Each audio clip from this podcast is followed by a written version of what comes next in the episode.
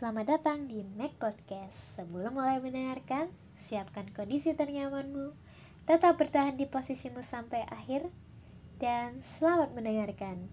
Make a change, let's go!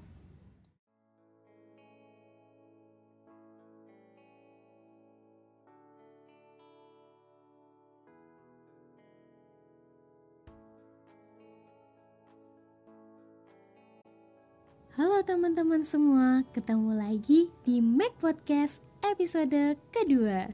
Tetap bareng aku, Jian Nazirohanun Gak lupa kan sama aku? Harusnya enggak dong ya. Nah, di episode kali ini aku bakalan sharing-sharing aja tentang suatu kabar. Ya, seperti gimana keadaanku dan tentunya keadaan kalian juga. Dan aku juga bakalan ceritain solusiku menghadapi suatu keadaan Gak lupa juga bakalan share dong tips-tips buat kalian untuk menghadapi berbagai keadaan. Nah, sesuai topik hari ini juga mau nanya dulu gimana nih kalau kabar kalian semua? Hmm, ya aku sih berharapnya semoga kalian semua dalam keadaan sehat walafiat, keadaan baik-baik saja. Semoga kalian sedang senang atau bahagia, sedang beruntung. Ya intinya buat kalian semua semoga dalam keadaan yang baik dalam hal apa pun dari segi psikis maupun fisik. Amin amin. Nah kalau keadaanku sendiri nih, uh, alhamdulillahnya sih uh, dalam keadaan sehat walafiat secara fisik. Namun untuk fisikisnya aku merasa sedang tidak baik. Uh, kenapa nih? Karena for your information aja, saat ini umurku akan 20 tahun dalam 10 hari ke depan di mana seperti yang banyak dibilang para dokter, psikiater, motivator, dan mentor organisasiku atau seperti yang dituliskan pada beberapa web, jurnal, buku kesehatan mental di mana kisaran umur 20-30 tahun ini merupakan rentan usia mengalami fase quarter life crisis. Wah, apa tuh quarter life crisis? Nah, quarter life crisis itu sebuah fase ketika uh, ketika seseorang merasa cemas, ragu, gelisah, dan bingung terhadap tujuan hidupnya. Dan hal tersebut akhirnya bakalan berdampak pada kualitas hidup ke depannya. Selain itu, menurut beberapa jurnal juga mengatakan fase ini sebenarnya normal terjadi pada siapa pun. Uh, namun tidak semua juga mengalami fase ini. Dan dari faktanya juga uh, untuk seseorang seperti kita sekarang nih generasi Z, generasi milenial, di mana sudah banyak sekali kasus-kasus kesehatan mental yang terjadi. Nah, hal tersebut itu uh, akhirnya tuh memperkuat opini bahwa remaja saat ini tuh rentan berada pada fase quarter life crisis. Ya, salah satunya aku sendiri sedang berperan dengan fase ini. Hmm, sedih, bingung. Tapi kenapa sih fase ini bisa terjadi? Nah, saat ini tuh tidak jarang seseorang merasa terjebak saat mengalami quarter life crisis karena kebanyakan tuh melihat teman-teman seusia kita, teman-teman seusianya uh, teman yang lain sudah memiliki pencapaian yang berbeda seperti karir, finansial, prestasi, pendidikan ataupun kehidupan lainnya. Dan quarter life crisis ini juga dapat disebabkan dari konflik pribadi, kehilangan pekerjaan, perceraian, kematian orang terdekat, perpisahan, atau peristiwa traumatis seperti bullying. Nah, semoga kalian gak, gak mengalami hal ini ya. Namun jika kalian menanyakan mengapa aku bisa mengatakan aku sedang berada di fase ini, ya kalau jawabku sih karena aku mengalami dari gejala-gejalanya seperti aku sendiri tuh masih bingung terhadap diriku sendiri aku selalu terfikirkan tuh hidup ini harus gimana sih? Aku harus apa? Tujuan pun masih belum terfikirkan masih belum ada. Aku juga merasa diriku ini masih diam di tempat. Aku belum melangkah ke mana pun. Bahkan hingga aku terlena terlalu nyaman dengan zona yang sekarang. Uh, aku menyadari aku terlalu banyak rebahan tapi minim tindakan. Dan tidak jarang pun aku selalu kurang semangat ketika melakukan suatu aktivitas. Aku juga merasa lelah dan rasanya tuh pengen istirahat aja buat melupakan semua kepenatan, semua tugas-tugas, dan banyak lainnya lah. Dan dari hal tersebut tuh selalu muncul berbagai pertanyaan yang ada dalam diriku. Aku tuh jadi berspekulasi, sudah benarkah aku seperti ini? terkadang aku juga ngerasa lingkunganku pun gak terlalu mendukung dengan diriku malah bisa dibilang hanya memberikan tekanan buruk bagiku.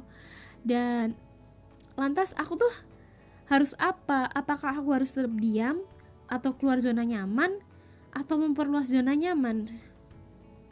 Ya sampai saat ini pun aku belum menemukan jawabannya yang pas untuk diriku dan masih sedang kuperjuangkan untuk mencari kejelasanku bagaimana aku harus bertindak. Nah kita pun sesungguhnya sering membayangkan juga kan akan jadi seperti apa nih hidup kita ke depannya. Uh, jika jika dahulunya nih kita memilih jalan yang berbeda dengan yang sekarang kita jalani akan ada akankah sama bahagianya atau lebih bahagianya lagi?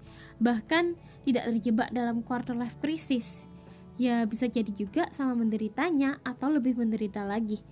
Hal yang sama juga terjadi saat kita tuh harus memilih membuat keputusan yang akan sangat berpengaruh terhadap sisa kehidupan kita entah itu memilih jurusan dan tempat kuliah atau memilih pekerjaan maupun pasangan hidup nah di saat seperti ini tuh kita tuh sering merasa galau bukan dan pusing sekali harus mengambil pilihan yang mana karena semua pilihan memang punya kelebihan dan kekurangan masing-masing. Namun kita tuh selalu takut untuk salah melangkah. Kita takut salah memilih dan takut menyesal di kemudian harinya. Dan untuk membicarakan tentang kesedihan atau kebahagiaan nih perlu kita ingat juga hidup memang tidak selalu manis sih. Uh, akan ada kan ada akan ada saatnya kita merasa seolah kita nih tidak bisa apa-apa. Akan ada saatnya kita merasa kecewa dengan diri sendiri. Karena apa yang bisa kita lakukan ternyata tidak sesuai ekspektasi. Kadang kadang tuh sedih ya sedih ketika kita tahu bahwa kita tidak mendapat, mendapatkan pencapaian sebesar apa yang kita bayangkan kadang kecewa. Ketika kita tahu bahwa perjuangan kita tidak dihargai tapi kita tak bisa apa-apa kita bingung kita harus apa. Kita tak karena kita tuh gak gak pernah bisa mengatur perasaan seseorang. Dan sesungguhnya yang bisa kita lakukan hanyalah mengatur perasaan kita sendiri. Kita berusaha mencintai sebesar kemampuan kita, setulus yang kita bisa, karena bukankah itu hakikat mencintai kan? Tak mengharapkan balas balas apa pun.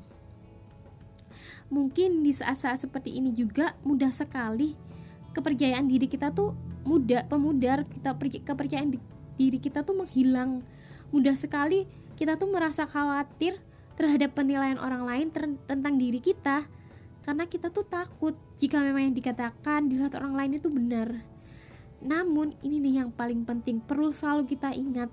Akan selalu ada orang yang lebih dari kita dalam segala hal.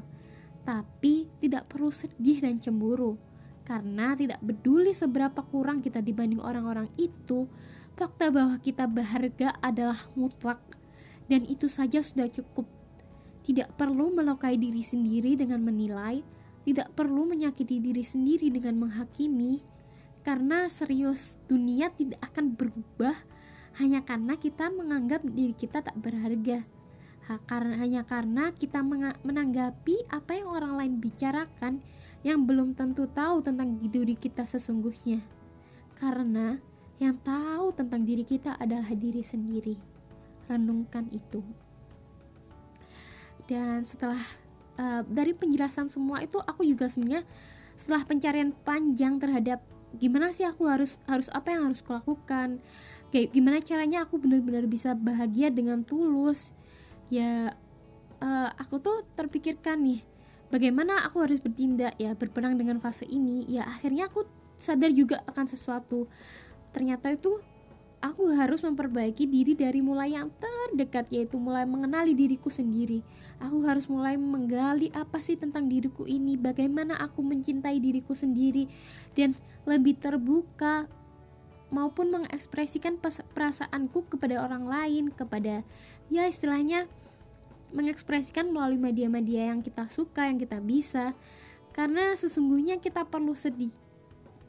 Nah, karena sesungguhnya tuh kita juga perlu sedih pada waktunya, bahwa kita perlu diam dan tidak tertawa juga pada waktunya. Bukan karena kita berprasangka buruk tidak akan mengubah fakta uh, kepada kehidupan, bukan karena kita menambah ketidaksyukuran kita. Satu air mata tidak akan mengubah fakta bahwa kita tuh harus bahagia Sebuah pengakuan akan perasaan sakit tidak akan mengubah fakta bahwa kita tetap akan bisa bahagia kapan pun yang kita ingin.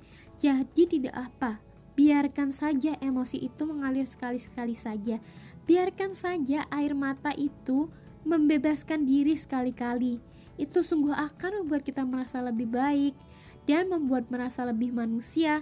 Dengan begitu, kita bisa memulai dengan wajah baru, mulai merencanakan hidup dan memfokuskan tujuan, menguatkan diri dengan keteguhan hati, dan mulai beraksi dengan tindakan yang direncanakan untuk membuat perubahan. Dan yang terpenting, jangan lupa selalu mencintai dan menghargai setiap perjuangan. Ya, itu aja sih cukup dari aku sesi curhat dan sharingnya. Semoga aja kalian suka dan dapat mengambil hal baiknya dari episode ini. Dan jangan lupa tetap nantikan episode-episode selanjutnya tentunya dengan cerita yang lebih menarik dan bermanfaat. See you next time. Salam perubahan.